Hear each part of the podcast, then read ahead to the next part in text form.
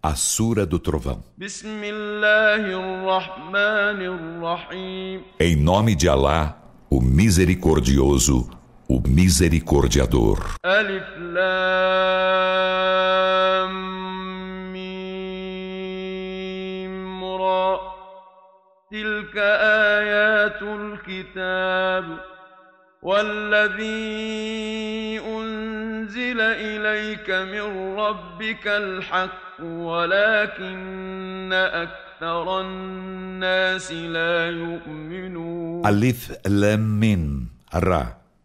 Esses são os versículos do livro. E o que foi descido para ti, Muhammad, de teu Senhor é a verdade, mas a maioria dos homens não crê.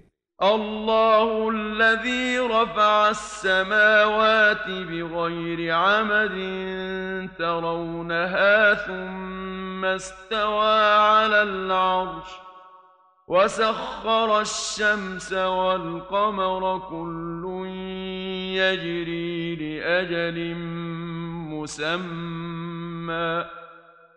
يدبر الأمر يفصل الآيات لعلكم بلقاء ربكم توقنون. Alá é quem elevou os céus, sem colunas que vejais. Em seguida, estabeleceu-se no trono e submeteu o sol e a lua, cada qual corre até um termo designado. Ele administra a ordem de tudo e aclara os sinais, para vos convencerdes do deparar de vosso Senhor. وهو الذي مد الأرض وجعل فيها رواسي وأنهارا ومن كل الثمرات جعل فيها زوجين اثنين يغشي الليل النهار إن في ذلك لآيات لقوم يتفكرون E ele é quem estendeu a terra, e nela fez assentes montanhas e rios. E de todos os frutos, nela fez um par, um casal. Ele faz a noite encobrir o dia. Por certo, há nisso sinais para um povo que reflete. وفي الأرض قطع متجاورات وجنات من أعناب وزرع ونخيل وزرع ونخيل صنوان وغير صنوان يسقى بماء واحد ونفضل بعضها على بعض في الأكل. إن في ذلك لآيات لقوم يعقلون. E na terra há extensões contíguas, mais diversas, e jardins de videiras e searas e tamareiras, geminadas e não geminadas, irrigadas pela mesma água, e preferimos algumas delas a outras no sabor. Por certo, há nisso sinais para um povo que razoa. تعجب فعجب قولهم أإذا كنا ترابا أإنا لفي خلق جديد أولئك الذين كفروا بربهم وأولئك الأغلال في أعناقهم وأولئك أصحاب النار هم فيها خالدون E se te admiras, Muhammad, de que te desmintam, mais admirável é seu dito. Quando formos pó, tornarmos-emos em nova criatura? Esses são os que renegam a seu Senhor. E esses são aqueles em cujos pescoços haverá gargalheiras. E esses são os companheiros do fogo. Nele serão eternos. ويستعجلونك بالسيئة قبل الحسنة وقد خلت من قبلهم المثلات وإن ربك لذو مغفرة للناس الناس على ظلمهم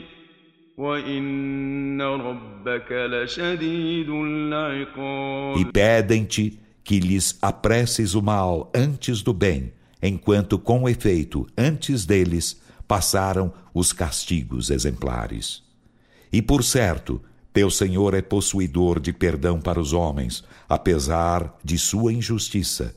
E por certo, teu Senhor é veemente na punição. ويقول الذين كفروا لولا أنزل عليه آية من ربه إنما أنت منذر ولكل قوم هاد E os que renegam a fé dizem que se faça descer sobre ele um sinal de seu Senhor. Tu és apenas admoestador, e para cada povo há um guia. الله يعلم ما تحمل كل أنثى وما تغيض الأرحام وما تزداد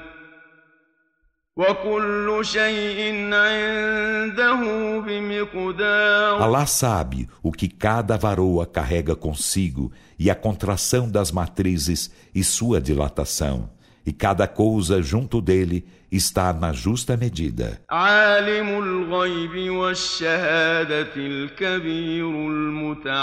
Ele é o sabedor do invisível e do visível, o grande, o sublime.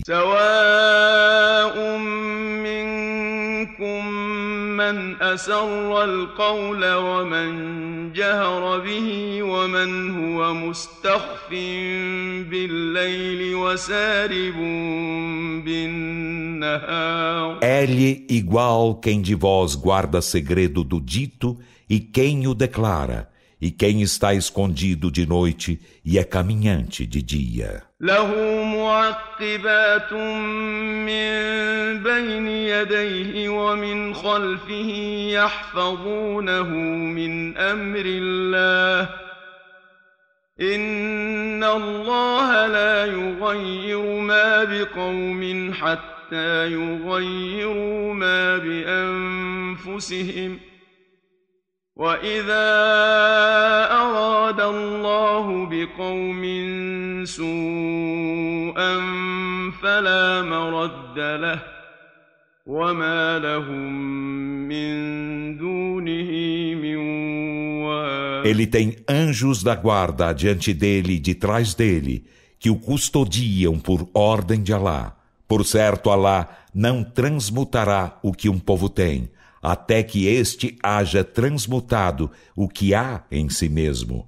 E quando Alá deseja um mal a um povo, não há revogador disso, e não terão além dele protetor algum. هو الذي يريكم البرق خوفا وطمعا وينشئ السحاب الثقال Ele é quem vos faz ver o relâmpago para suscitar temor e aspiração, e faz surgir as densas nuvens. ويسبح الرعد بحمده والملائكة من خيفته ويرسل الصواعق فيصيب بها من يشاء. ويرسل الصواعق فيصيب بها من يشاء وهم يجادلون في الله وهو شديد E o المحال trovão glorifica-o com louvor, e também os anjos, por temor dele. E ele envia os raios, e com eles alcança quem quer, enquanto eles discutem acerca de Alá. E ele é veemente na força. له دعوة الحق والذين يدعون من دونه لا يستجيبون لهم بشيء إلا كباسط كفيه إلى الماء ليبلغ فاه وما هو ببالغه وما دعاء الكافرين إلا في ضلال Dele é a verdadeira súplica. E os que eles invocam além dele, em nada lhes atendem senão como é atendido aquele que estende as duas mãos à água de um poço, para que esta lhe atinja a boca, mas ela jamais a estará atingindo. E a súplica dos renegadores da fé não está senão em descaminho. ولله يسجد من في السماوات والأرض طوعا وكرها وظلالهم بالغدو والآصال E diante de Alá prosterna-se de bom ou de mau grado quem está nos céus e na terra, e também suas sombras ao amanhecer e ao entardecer. قل من رب السماوات والأرض قل الله قل أفاتخذتم من دونه أولياء لا يملكون لأنفسهم نفعا ولا ضرًّا قل هل يستوي الأعمى والبصير أم هل تستوي الظلمات والنور أم جعلوا لله شركاء خلقوا كخلقه فتشابه الخلق عليهم قل الله خالق كل شيء وهو الواحد القهار Dize Muhammad, quem é o Senhor dos céus e da terra? Dize, Alá.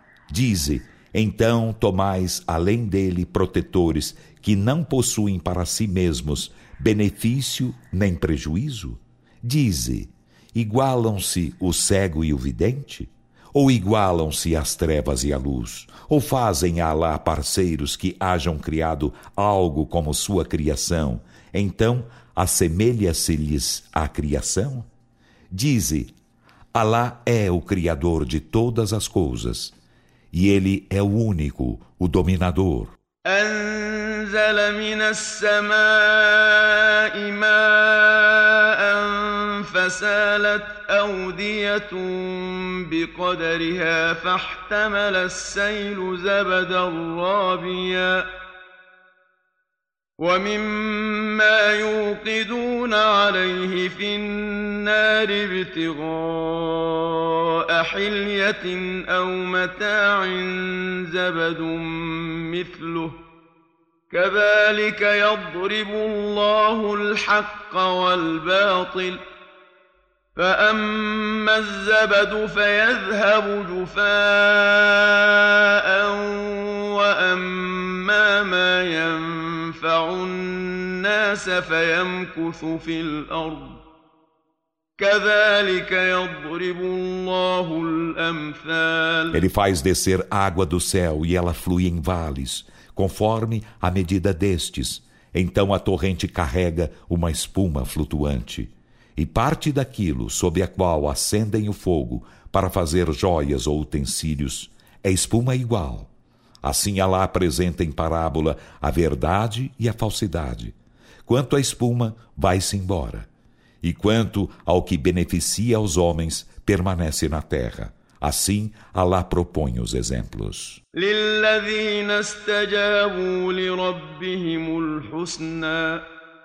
والذين لم يستجيبوا له لو أن لهم ما في الأرض جميعا ومثله معه لافتدوا به أولئك لهم سوء الحساب ومأواهم جهنم وبئس المهاد Para os que atendem a seu Senhor, haverá mais bela recompensa. E os que lhe não atendem, se tivessem tudo o que há na terra e mais outro tanto, com isso resgatar-se-iam. Esses terão pior ajuste de contas, e sua morada será ajena, e que execrável leito. أفمن يعلم أنما أنزل إليك من ربك الحق كمن هو أعمى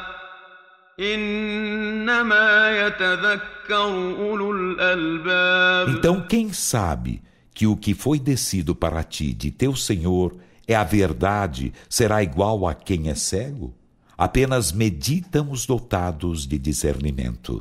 الذين يوفون بعهد الله ولا ينقضون الميثاق Os que são fiéis ao pacto de Alá e não desfazem a aliança. والذين يصلون ما أمر الله به أن يوصل ويخشون ربهم ويخافون سوء الحساب E os que unem o que Alá ordena estar unido e receiam ao seu Senhor e temem o pior ajuste de contas. والذين صبروا ابتغاء وجه ربهم وأقاموا الصلاة وأنفقوا مما رزقناهم وأنفقوا مما رزقناهم سرا وعلانية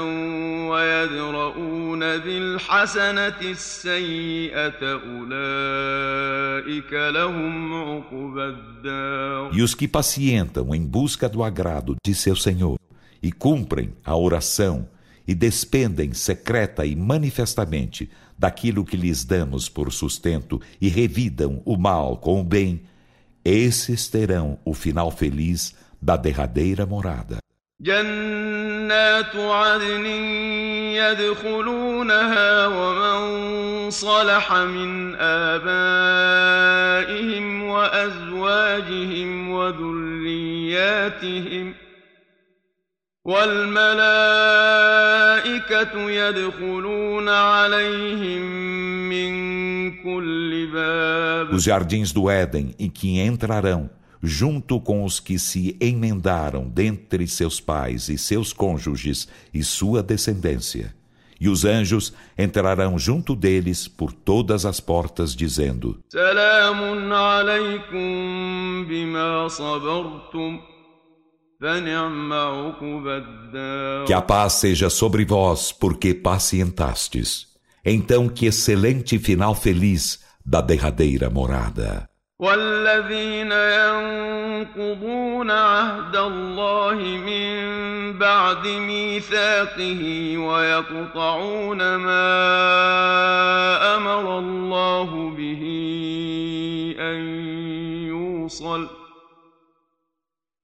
ويقطعون ما أمر الله به أن يوصل ويفسدون في الأرض أولئك لهم اللعنة أولئك لهم اللعنة ولهم سوء الدين E os que desfazem o pacto de Alá após havê-lo firmado e cortam o que Alá ordena estar unido e semeiam a corrupção na terra, esses terão a maldição e terão a pior morada. الله يبسط الرزق لمن يشاء ويقدر وفرحوا بالحياة الدنيا وما الحياة الدنيا في الآخرة إلا متاع Alá prodigaliza o sustento a quem quer e restringe-o.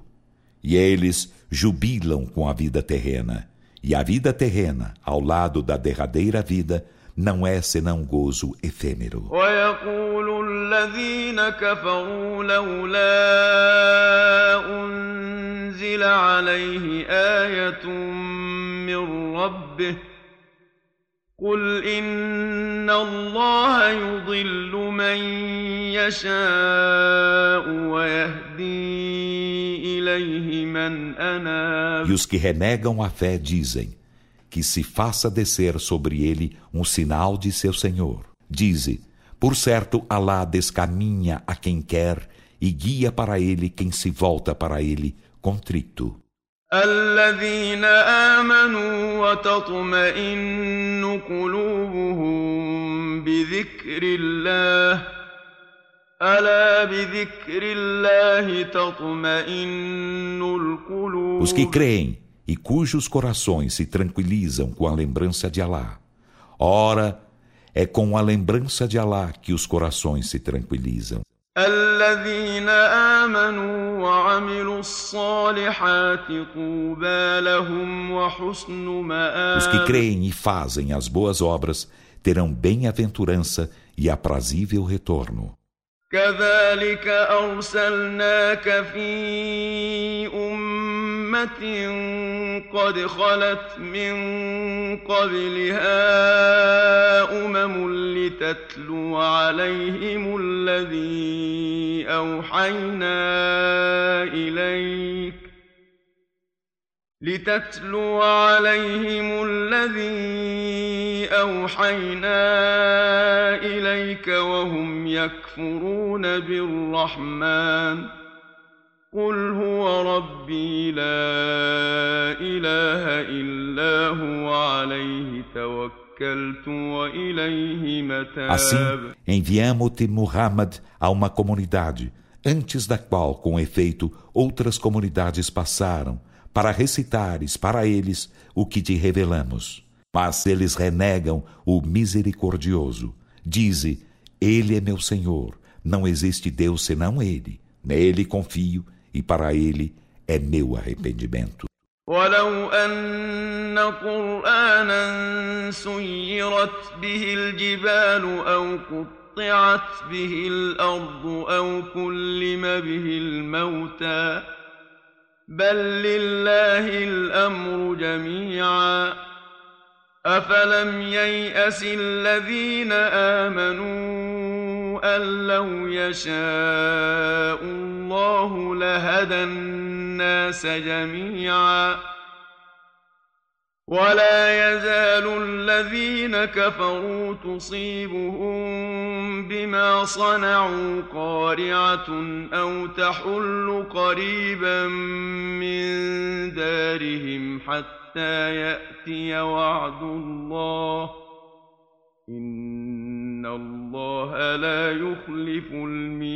E se houvesse um Alcorão com que se fizesse caminhar as montanhas, ou com que se fizesse cortar a terra, ou com que se fizesse falar aos mortos, seria este. Mas de Alá é toda a ordem. Então não sabem os que creem que se Alá quisesse, ele haveria guiado a toda a humanidade? E os que renegam a fé não cessarão de ser alcançados devido às suas ações por uma calamidade ou de tê-la perto de seus lares até que chegue a promessa de Alá. Por certo, Alá não falta à promessa. ولقد استهزئ برسل من قبلك فأمليت للذين كفروا ثم أخذتهم فكيف كان عقاب E com efeito zombaram de outros mensageiros antes de ti. Então concedi prazo aos que renegaram a fé. Em seguida, apanhei-os. Como foi, pois, minha punição? أفمن هو قائم على كل نفس بما كسبت وجعلوا لله شركاء قل سموهم أم تنبئونه بما لا يعلم في الأرض أم بظاهر من القول ۖ بل زين للذين كفروا مكرهم وصدوا عن السبيل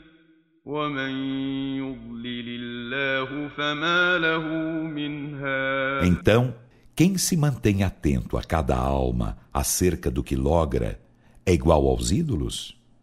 E eles fizeram Alá parceiros. Dize, nomeai-os ou vós o informais do que ele não sabe na terra? Ou dizeis um dito vão?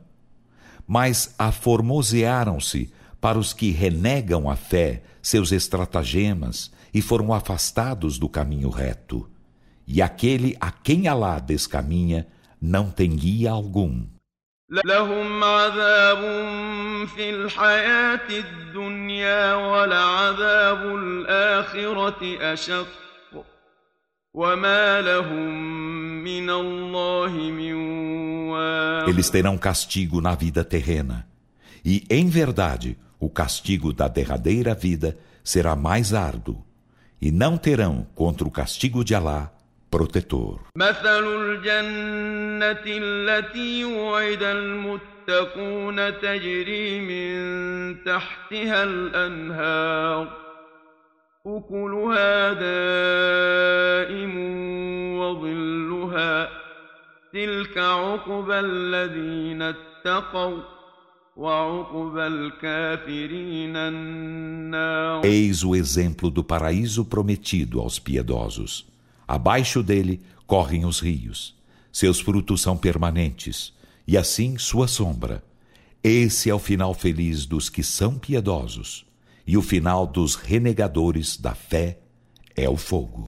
والذين آتيناهم الكتاب يفرحون بما أنزل إليك ومن الأحزاب من ينكر بعضه قل إنما أمرت أن أعبد الله ولا أشرك به E aqueles a quem concederamos o livro jubilam com o que foi descido para ti. E entre os partidos há quem negue parte dele. Dize: Apenas foi-me ordenado adorar a Alá e nada associar-lhe.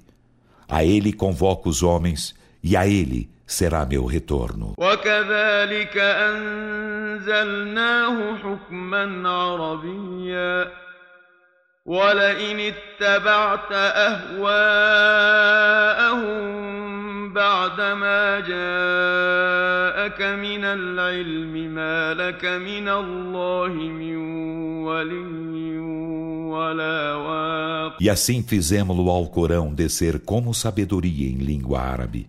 E em verdade, se seguires suas paixões após o que te chegou da ciência, não terás de Alá nem aliado, nem protetor.